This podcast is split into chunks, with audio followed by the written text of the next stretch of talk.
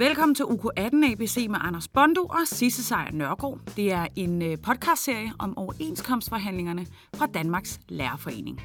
Vi begynder der, hvor vi slap sidst, så er du lige landet. Hey, velkommen til, og find dig så ellers episode 01. Episode 2 handler altså om, hvor øh, forhandlingerne de er lige nu. Vi skriver januar 2018, så nærmer parterne sig hinanden, udmyndter det sig i øh, konkrete aftaler, og hvad snakker de egentlig om, når ordet normalisering bliver brugt? Vi skal finde ud af, hvorfor Anders Bondo mener, at han er formand for en mærkelig fagforening. Og endelig så skal vi til medlemsmøde i Brøndby, hvor vi blandt andet får svar på. Jeg er bare meget, meget spændt på, hvor lang tid musketeriden holder. Altså om, øh, om vi kan blive ved med at holde solidariteten i hævd. Men først så skal vi til morgenkaffe på kontoret og få styr på en meget vigtig ting. Der er gået en måned, siden vi snakkede sammen sidst, så der må jo have været, I må jo nærmest have lukket aftalen nu. Ja, det ville jeg da rigtig gerne have gjort. Nu er forhandlinger tit kendetegnet ved, at, at der sådan er, øh, er bølgedale og, og toppe. Øh, så tænker man, nu går det rigtig godt, og så, ej, nu, nu gik energien ud af forhandlingerne. Og øh, jeg vil sige, lige nu, hvor vi to sidder og snakker sammen, øh, der er vi ikke oppe på en, en af bjergtoppene. Øh, der er vi nærmere nede i bølgedalen. Øh, jeg synes, vi havde et rigtig godt møde i onsdags. Jeg har også i folkeskolen sagt, at vi havde et værdifuldt møde. Det var sådan det andet politiske møde. Vi startede i starten af december med, at, hvor Michael Siler og Sten Christiansen fra KL også deltog, og jeg deltog, hvor vi sådan fik præsenteret kraven. Så skulle vi gøre status øh, onsdag i sidste uge, og jeg synes faktisk, at vi også der vi havde et rigtig godt møde. Det, der jo er det vigtige, det er, at vi kommer ind i det, vi kalder reelle forhandlinger. Og hvad er så reelle forhandlinger? Ifølge Anders Bondo, jamen, så er reelle forhandlinger der, hvor parterne mødes og forhandler om din hverdag. Det vil sige, at der gives lidt, og der tages lidt, der argumenteres for, og der argumenteres imod, men parterne mødes og forhandler, ulige de forhandlinger, som Anders Bondo deltog i i 2013. Og i sidste ende, jamen, så underskrives der en aftale, som begge parter kan stå inde for. Og det var vi ikke kommet inden i onsdags. Og vi skulle ligesom bruge mødet der som afsæt til at sige, nu må vi skabe en retning på det. Det synes jeg, vi gjorde. Jeg synes, vi havde et godt møde. Men desværre må jeg så også konstatere, at det syv timer lange forhandlingsmøde, der var lørdag, det var ikke det, der gav øh, det gennembrud. Øh, det er ikke fordi, jeg af den grund opgiver det, for som sagt, så ved jeg godt, at, at øh, forhandlinger foregår i de her øh, ja, nogle gange er man op og synes, nu går det godt, og andre gange går det skidt. Men når du siger, at det var et værdifuldt møde, men nu i lidt ned ad bakke igen. Hvad kan der ske på så kort tid, der gør, at, øh, at det går fra værdifuldt til at være, mm, ja, vi ser? Jamen det er jo fordi, vi, vi, vi, vi er begge parter klar over, at den her forhandling ikke er nogen nem forhandling. Altså det er jo ligesom år 0. Øh, vi skal starte forfra, vi, vi skal have etableret en, en, en ny aftale. Og det er ikke nemt. Men det er klart, at vi er her under et særligt pres, fordi alle de andre organisationer jo har sagt, der skal være de her realitetsforhandlinger. Vi skal i gang med substansen på en aftale, før de vil gå i gang med deres forhandlinger. Og jeg har ikke lagt skjul på, at det presser KL, men det presser også os. Og derfor havde jeg rigtig meget håbet, at lørdagen det var, ja, nu kan jeg ringe rundt til alle mine kollegaer i fagbevægelsen og så sige, nu er vi i gang, og nu kan I også godt øh, snart komme i gang. Lad os lige hurtigt vende de to parter, som Anders Bondo sidder overfor.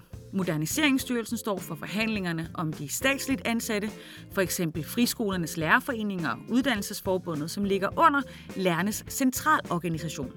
Og så er der altså kommunernes landsforening, KL. Det er dem, der har den daglige kontakt med kommunerne, og dermed også skolerne, som ligger i dem. Hvad er det for nogle øh, modstandere, du sidder overfor? Er det, øh, er de, er de barske? Er de, kan de forstå dig? Mm. Kan du forstå dem? Hvordan er, hvordan er forholdet? Hele forhandlingsklimaet i forhold til Moderniseringsstyrelsen har jo generelt været anspændt. Fordi vi har ikke bare øh, lærerne, men alle har oplevet, at Moderniseringsstyrelsen ligesom har sat partsystemet ud af kraft. De, de er i den grad dikteret løsninger og, og øh, undladt at bruge det, at vi sætter os ned til et forhandlingsbord og finder de fælles løsninger, som hele den danske model går ud på. Og det er klart, at, at det, det er også en del af den udfordring, vi står med nu.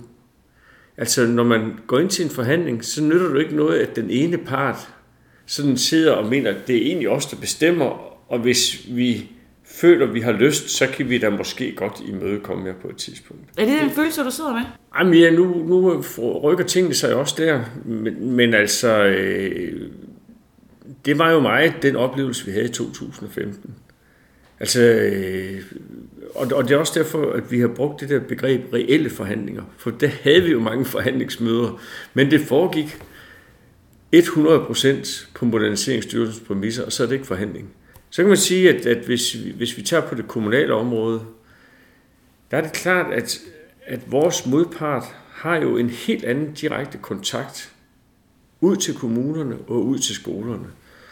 Og derfor tror jeg også, at vi også sådan rent historisk, men også i den her situation, oplever, at der er mere lyd, lydhørhed. Øh, altså, for KL er det jo helt afgørende, at der er nogen, der har lyst til at være lærer i den danske folkeskole. Det, der er en faktisk katastrofal mangel på lærere i mange kommuner. Og det her, det er altså ikke Anders Bondos ord alene. En ny offentliggjort undersøgelse, KL har foretaget i 79 kommuner, viser, at næsten halvdelen af kommunerne, helt præcist 41 procent, oplever mangel på kvalificeret arbejdskraft på skoleområdet. 43 procent. De mener også, at det er blevet sværere at rekruttere lærere her de sidste tre år. Og det har KL en interesse i at få løst. Og en del af den løsning, det er, at vi får landet en fornuftig aftale, som vi netop begge parter kan gå ud og sige, det er det kan vi stå inden for. Mærker du, at de måske har rykket sig siden øh, ja, 2013, men også 2015? Er der nogle ting, der er faldet på plads?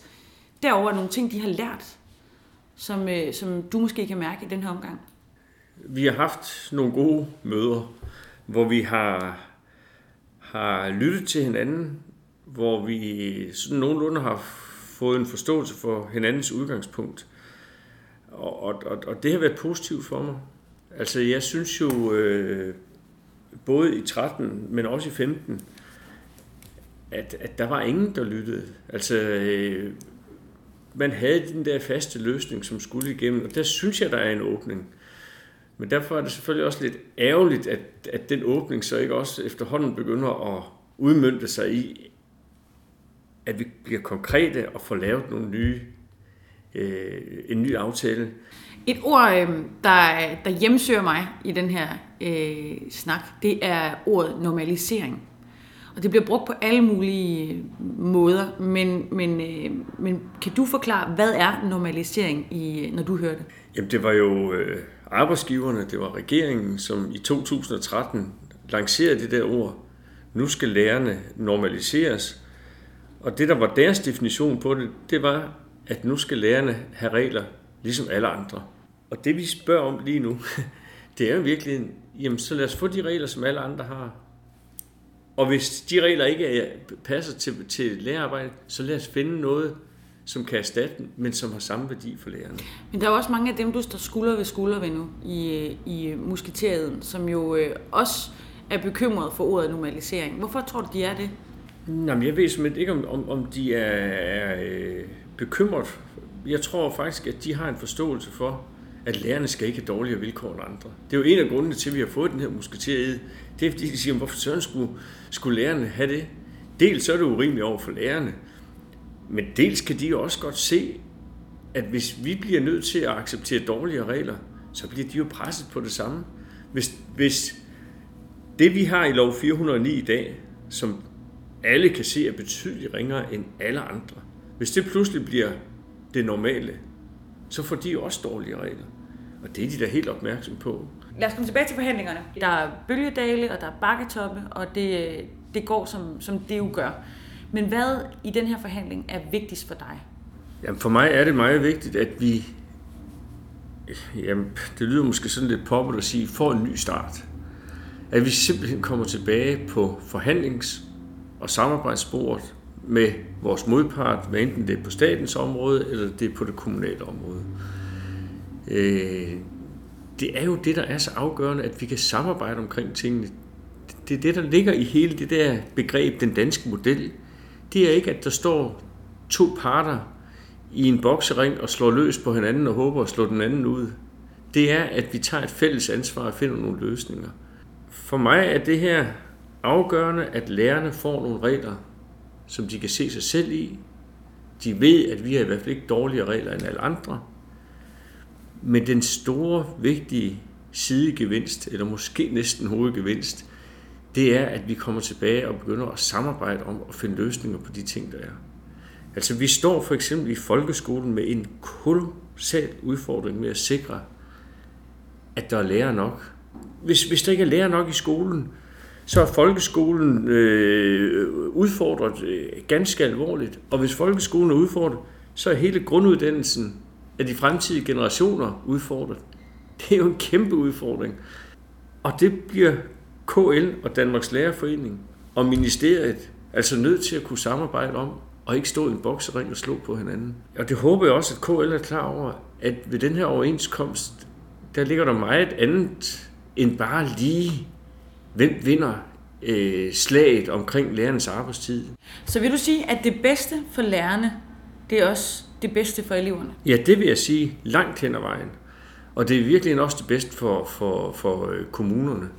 Altså, øh, nu har jeg været formand i Danmarks Lærerforening siden 2002, og jeg blev sådan set valgt på, at jeg skulle prøve at lave en arbejdstidsaftale, der mere understøttede lærerarbejdet. Det har jeg virkelig kæmpet for.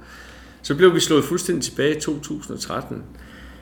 Og, og jeg er godt klar over, at den ideelle aftale, det bliver ikke resultatet af den her overenskomst. Det vil jeg rigtig gerne. Og det burde KL også gerne vil, fordi det netop giver eleverne den bedste undervisning. Men hvis vi ikke kan nå dertil, så skal vi i hvert fald nå så langt, at vi kan se hinanden i øjnene. Vi kan sige i fællesskab, at vi har lavet en aftale, som begge parter står ved, og som vi kan bygge videre på i fremtiden. Da i 2002 blev formand i Danmarks Lærerforening, da jeg husker stadigvæk, at da jeg skulle op og sige tak for, for valget, så siger jeg, at det er en mærkelig fagforening, jeg blev formand for. For vi bruger jo mindst lige så mange kræfter, og vi bruger virkelig mange flere kræfter på at snakke om, hvordan kan vi skabe en god skole til eleverne i forhold til at sidde og, og slås om løn- og arbejdstidsforhold. Øh, og for den enkelte lærer, at det at kunne lykkes med sit arbejde, det at vide, at man giver eleverne en god undervisning, det er også det mest motiverende overhovedet. Når vi står ude i klasselokalet, så har vi ansvaret for en gruppe elever på 5-26. Nogle af de elever kommer vi til at følge i flere år. De kommer til at betyde noget for os. Der bliver mennesker, som betyder noget for os. Og derfor er det så vigtigt, at selvfølgelig skal vi kunne lykkes med at løfte dem så meget vi overhovedet kan. Og kan du ikke, har du ikke den oplevelse, føler du, at du svigter de elever, så er det, at det bliver en belastning at blive lærer. Og det burde arbejdsgiver og alle andre forstå. Men man kan jo ikke, man kan jo ikke betale sit, øh, sin termin øh, med, øh, med en pose fyldt med tak. Jamen det er klart, at vi skal generelt have nogle ordentlige vilkår. Det skal være attraktivt at være lærer. Det skal være sådan, at alle øh, de dygtigste unge mennesker siger, ja, lærerjobbet, det er lige mig. Fordi det er så vigtigt at det er faktisk ikke kun mig, der siger, at lærerarbejde er Danmarks vigtigste arbejde. Netop fordi det er jo fundamentet i hele vores uddannelsessystem. Hvis vi ikke lykkes med eleverne i folkeskolen, så er det sådan set nogenlunde ligegyldigt. Så derfor øh, skal vi på alle parametre selvfølgelig have nogle gode vilkår til lærerne. Det er jo et kæmpe forbund, du står i spidsen for. Og du har jo øh, gjort noget helt nyt i den her, øh, den her forhandlingsrunde, at du Udover at øh, ude og skulle jeg sige, forhandle i dagstimerne, så er du også ude om, i aftentimerne og møde dine, dine medlemmer. Og, øhm, og det er jo nyt. Hvorfor er det, I har besluttet for at holde alle de her medlemsmøder? Det er, fordi vi står i en helt, helt ny situation. Øh, og det prøver jeg også at sige, når jeg kommer ud på møderne, at når vi, når vi tager det her ekstraordinære skridt, så er det, fordi situationen er ekstraordinær. Øh, vi har jo fået den her fantastiske opbakning fra de andre organisationer. Og, og noget af det, jeg siger på de her medlemsmøder, det er, den er vi rigtig glade for. Men vi er også helt klar over, at det ikke bare er en blankosjek. Jeg kan ikke bare læne mig tilbage og så sige, nå, nu kan vi få lige det, vi vil have, fordi alle de andre bakker os op. Øh, vi er også presset af det her, og derfor så prøver jeg også at skabe en forståelse for, at øh, det de andre bakker os op i, det er, at de vilkår, vi har som lærere, De skal selvfølgelig ikke være ringere end deres. Men de har ikke givet os en blankosjek. Og det tror jeg er vigtigt at, at, at få den forståelse, fordi man kunne godt umiddelbart tænke, hold det op, hele fagbevægelsen bakker læreren op, nu må det da blive en super aftale. Øh, så, så det er en del af den der forventningsafstemning. Men når du så er ude til de der møder, kan du så mærke, at der er fuld opbakning, eller er der også nogle af medlemmerne, som er bekymret? Altså, jeg føler en fantastisk opbakning til den strategi, som hovedstyrelsen har lagt. Altså, vi har brugt øh, måneder og år på at drøfte det her. Vi har været ude i de andre fagforeninger og drøfte. Vi har snakket med politikere centralt og lokalt osv. Øh, vi har virkelig prøvet at sige, hvordan kan vi skabe et grundlag for, at vi får en, en god forhandling her. Og, og hele den, de overvejelser og den strategi, som jeg også fortæller om på, på, på de møder, den føler jeg, der er en stor opbakning til. Men det er klart, at jeg vil gøre alt, hvad jeg kan for at lave en aftale. Altså, det har jeg altid gjort. Jeg, har, jeg er en øh, gammel rotte inden for, for forhandlingssystemet. Som lokal kredsformand i Sønderborg, der var jeg 16 år før jeg blev formand i Danmarks Lærerforening. Der sad jeg og lavede forhandlinger og aftaler med seks kommuner på én gang. Og Anders, han kan et og andet med forhandlinger. Han har siden 2002 forhandlet lærernes overenskomst, og siden 2007 så har han også forhandlet og været formand for alle de offentlige ansatte på det kommunale område i det, der hedder forhandlingsfællesskabet. Og så er han derudover, som en lille ekstra appelsin i forhandlingshatten, næstformand i CFU, Centralorganisationernes Fællesudvalg, der altså består af organisationer på det statslige område. Han er med andre ord en boss forhandler. Og jeg er altid gået ind til en forhandling, fordi jeg vil lave et resultat. Og det lykkes hver eneste, hver evig eneste gang, at det lykkes. Hvis der ellers var nogen, at forhandle med det, var der ikke 13, så der lavede vi ingen aftale. Men, men ellers er det lykkes. Og det gør jeg også her. Og det tror jeg også, at alle, der, der følger forhandlingerne, er klar over, at det, det er det, vi er i gang med. Men det er jo bare ikke os, som alene kan bestemme, at vi lander en aftale. Og derfor bliver jeg også nødt til at sige på de her medlemsmøder, det kan være, at vi ender i en konflikt. Det er ikke med min gode vilje, og vi gør, hvad vi kan for at undgå det. Men det kan være, at vi ender der. Og så må vi også stå sammen der. Altså det er sådan i medlemsgruppen i Danmarks Lærerforening, der er der nogen, og jeg forstår dem, de synes, det er så uretfærdigt, det vi er, de vilkår, vi har, at ja, jeg har hørt en, der siger, at jeg er parat til at pansætte mit hus, nu skal vi simpelthen slås for at, at få nogle ordentlige vilkår. Og så er der andre i gruppen, som er mærket af 2013, som ikke tror på konflikten, som siger, uh, jeg, jeg, jeg får det næsten fysisk dårligt, hvis jeg hører, at nogen snakker om, at vi kan havne i en konflikt. Og jeg vil bare sige, uanset hvor vi havner hen, så skal vi stå sammen. For grunden til, at vi i dag bliver taget alvorligt, og vi har en, et håb om, at vi kommer ind i en, i en seriøs øh, forhandling, det er fordi Danmarks Lærerforenings medlemmer bakker op omkring Danmarks Lærerforening. Øh, og, og Men hvordan det, samler man det, når du siger, at det er jo så, det, det gør så man, ekstremt? Det gør man ved at snakke om det. Det gør man ved, at, at vi er åbne om, at der er den forskellighed i medlemsgruppen, og det nytter ikke noget, at vi den ene gruppe bliver sur, og den anden gruppe bliver sur, fordi vi kan jo ikke gøre begge øh, grupper øh, tilfreds, og derfor skal man vide, at vi gør, hvad vi kan for at, at, at lande en aftale, men vi kan også komme i en situation, hvor det ikke kan lade sig gøre. Og uanset om vi gør det ene eller det andet, så bliver vi nødt til at stå sammen. Og det, det er jo en, også en af grundene til at tage rundt på de her medlemsmøder, for at prøve at starte den diskussion. Jeg er, er virkelig glad for, at der er så mange, der møder op. Jeg har sådan en fornemmelse af, at der er en 4-5 stykker fra næsten hver eneste skole, der er dukket op øh, i de områder, vi har været. Hvis de går tilbage på skolen og er med til at tage snakken på lærerværelset sammen med tillidsrepræsentanten, jamen hvad er det for nogle muligheder, vi kan se og sådan noget, så vi tager øh, diskussionen allerede på nuværende tidspunkt. Det er en af tankerne bag at tage rundt og, og snakke med alle medlemmerne. Altså der var jo fuld hus, da jeg var øh, afsted og, og, og var med i, øh, i Brøndby. Og der var, øh, altså der var jo nærmest sådan lidt en rockkoncertstemning. Der var folk på forreste række, der, der hæppede og hujede, og du havde øjenkontakt med dem, du kendte dem, du kunne nærmest orkestrere, hvordan de var med.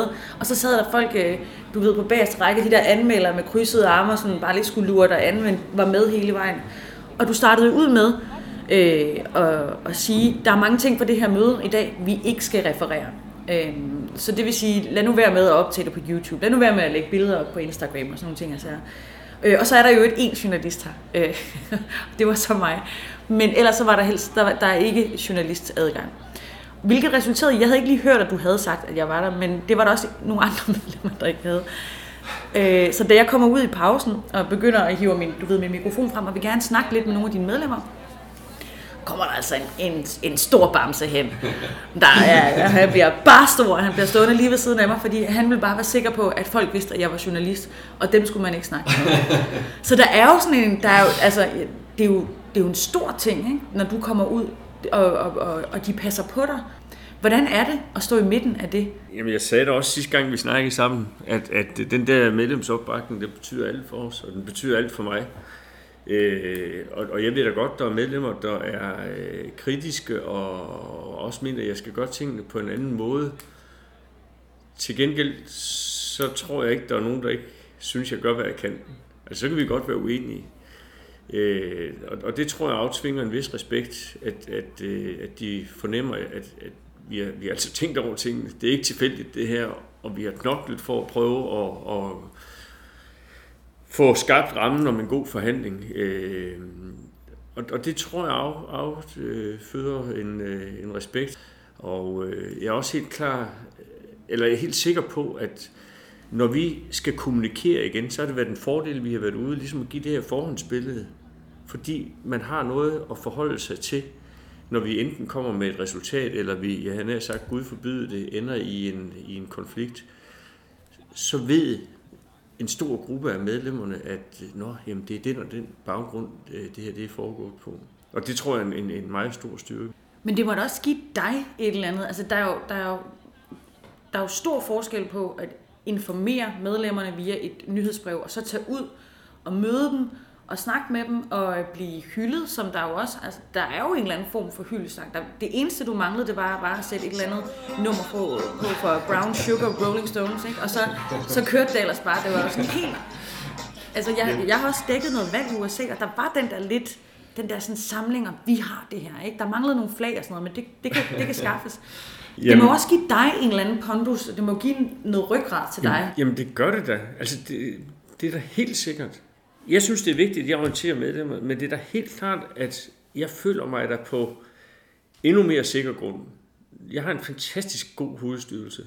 Øh, vi er heller ikke enige om alting, men vi har taget de her diskussioner, og vi, vi har virkelig et, et fodslag om, nu, nu skal vi lykkes med det her. Det er jo, det er jo vigtigt, men det er også at komme ud og, og, og, og få den opbakning, som du talte om øh, fra medlemmerne, det betyder da rigtig meget. Øh, og, og nu har jeg prioriteret medlemsarrangementer, fordi det giver mig energi. Øh, jeg har også været ude til medlemsarrangementer, selvfølgelig specielt i, i kølvandet på det, der skete i 13, hvor, hvor jeg oplevede, at, at medlemmer græder og, øh, og så videre. Øh, det tror jeg er fantastisk vigtigt, at jeg har fingre på pulsen af, hvad, hvad er det for en stemning, der er? Hvad er det, der rører sig? Det synes jeg, jeg får, øh, også på de øh, medlemsmøder. Det er klart, hvis der er 200, eller jeg tror i Odense, der var vi 370, så kan jeg ikke nå at snakke med alle sammen. Men der er alligevel mange, der kommer op i pausen. Der er mange, der kommer op bagefter. Vi er jo lige ved at ikke nå toget i Odense. Men, men øh, det er rigtig værdifuldt for mig og, og det er da klart, at at mærke opbakning, det betyder meget. Jeg tog mig friheden, øh, til trods for ham, den store bamse, der, der passede på, at der ikke blev trådt over nogle grænser, at stille nogle af dine medlemmer øh, spørgsmål, om de havde spørgsmål til dig. Hvorfor har det så stor betydning, at folk skal betale deres frokostpauspænd? Det er jeg ikke sikker på, at alle lærer forstår. Det har det, fordi det er en regel, der har galt for en stor del af de offentlige ansatte i mange, mange år. Og vi kan godt lave om på reglerne. Men hvis vi skal lave om på reglerne, så skal vi sætte os ned til et forhandlingsbord, og så skal vi blive enige om at erstatte de eksisterende regler med nogle andre regler. Det var det, man ikke ville være med til over for os i 2013. Man ville bare diktere en bestemt løsning. Nu oplever andre ansatte i den offentlige sektor, at de bliver udsat for noget af det samme. Det er ikke deres arbejdstid generelt, men eksempelvis den der betalte frokostpause, som har været en, en væsentlig del af deres arbejdsbetingelser. Og lige så vel som det var helt forkert, at man bare kunne fjerne vores regler og erstatte det med noget, som vi ikke havde lod og del i, så skal vi stå værn om, at det skal heller ikke ske for andre. Uanset om det så er en betalt frokostpause eller det er andre ting. Og på den måde er det to sider af samme sag. Det er nemlig respekten for forhandlingssystemet. Arbejdsgiveren kan ikke bare diktere, vi skal finde løsningerne i fællesskab.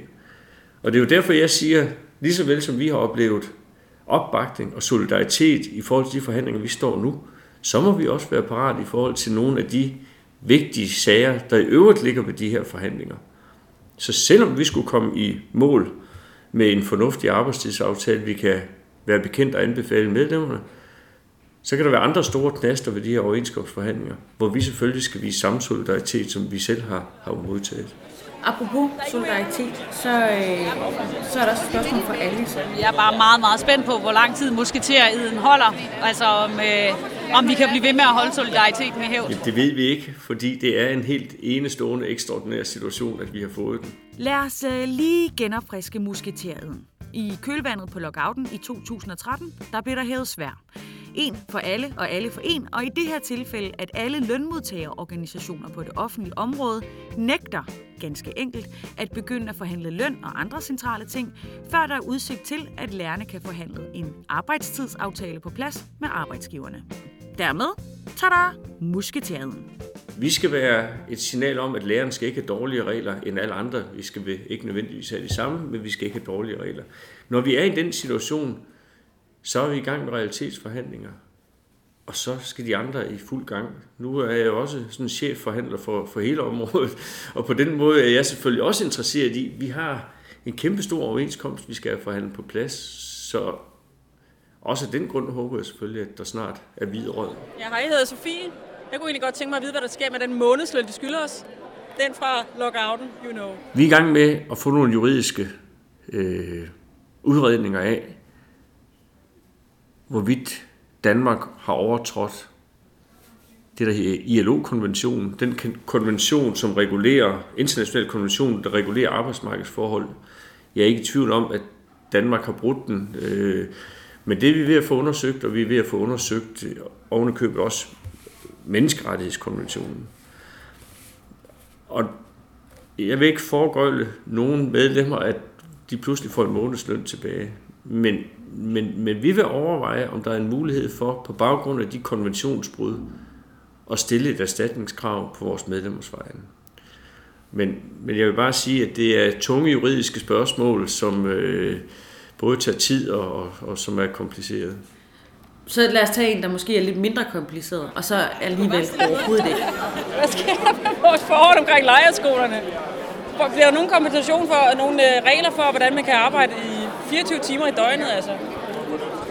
Og kun få løn for 14. Jeg tror ikke, man, man kan regne med, at vi sådan bagudrettet øh, kan op på det, men det er jo et af de ting, vi har fokus på.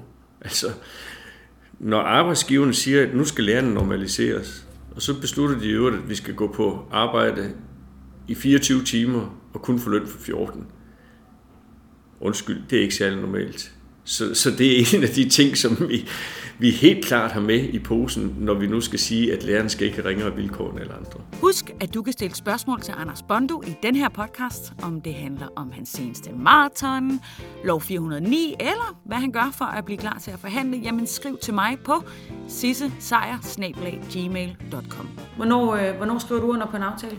Ja, det tror jeg først, vi gør helt hen i slutningen af februar. Fordi det, vi forhandler lige nu, det er arbejdstid. Men vi har jo mange andre krav, og det er også vigtigt at huske. Altså, vi har stillet krav om at forbedre øh, børnehavepladslederens slutløn, for eksempel. Vi skal have gjort noget ved konsulenternes lønforløb, og der er en masse krav, og de skal også forhandles. De ligger fuldstændig som alle de andre organisationers krav standby i øjeblikket, fordi nu gælder det arbejdstid.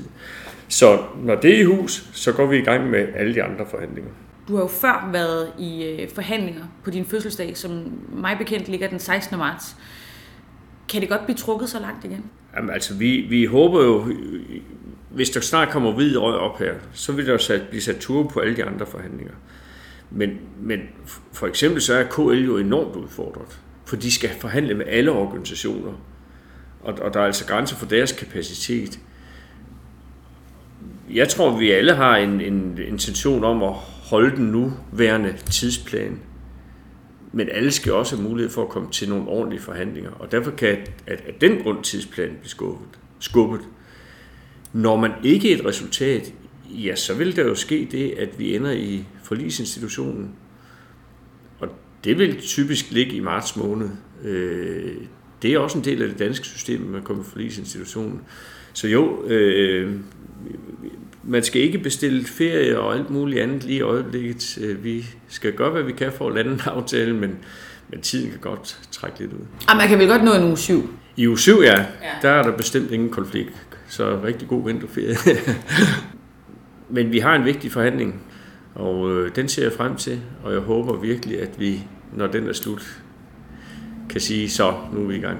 Og så er han i gang, Anders Bondo.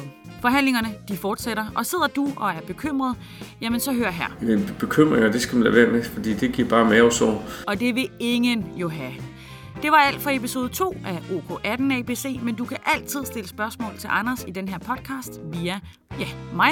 Skriv til Sisse Sejer, s i s s e s e j r gmail.com. Tak for nu.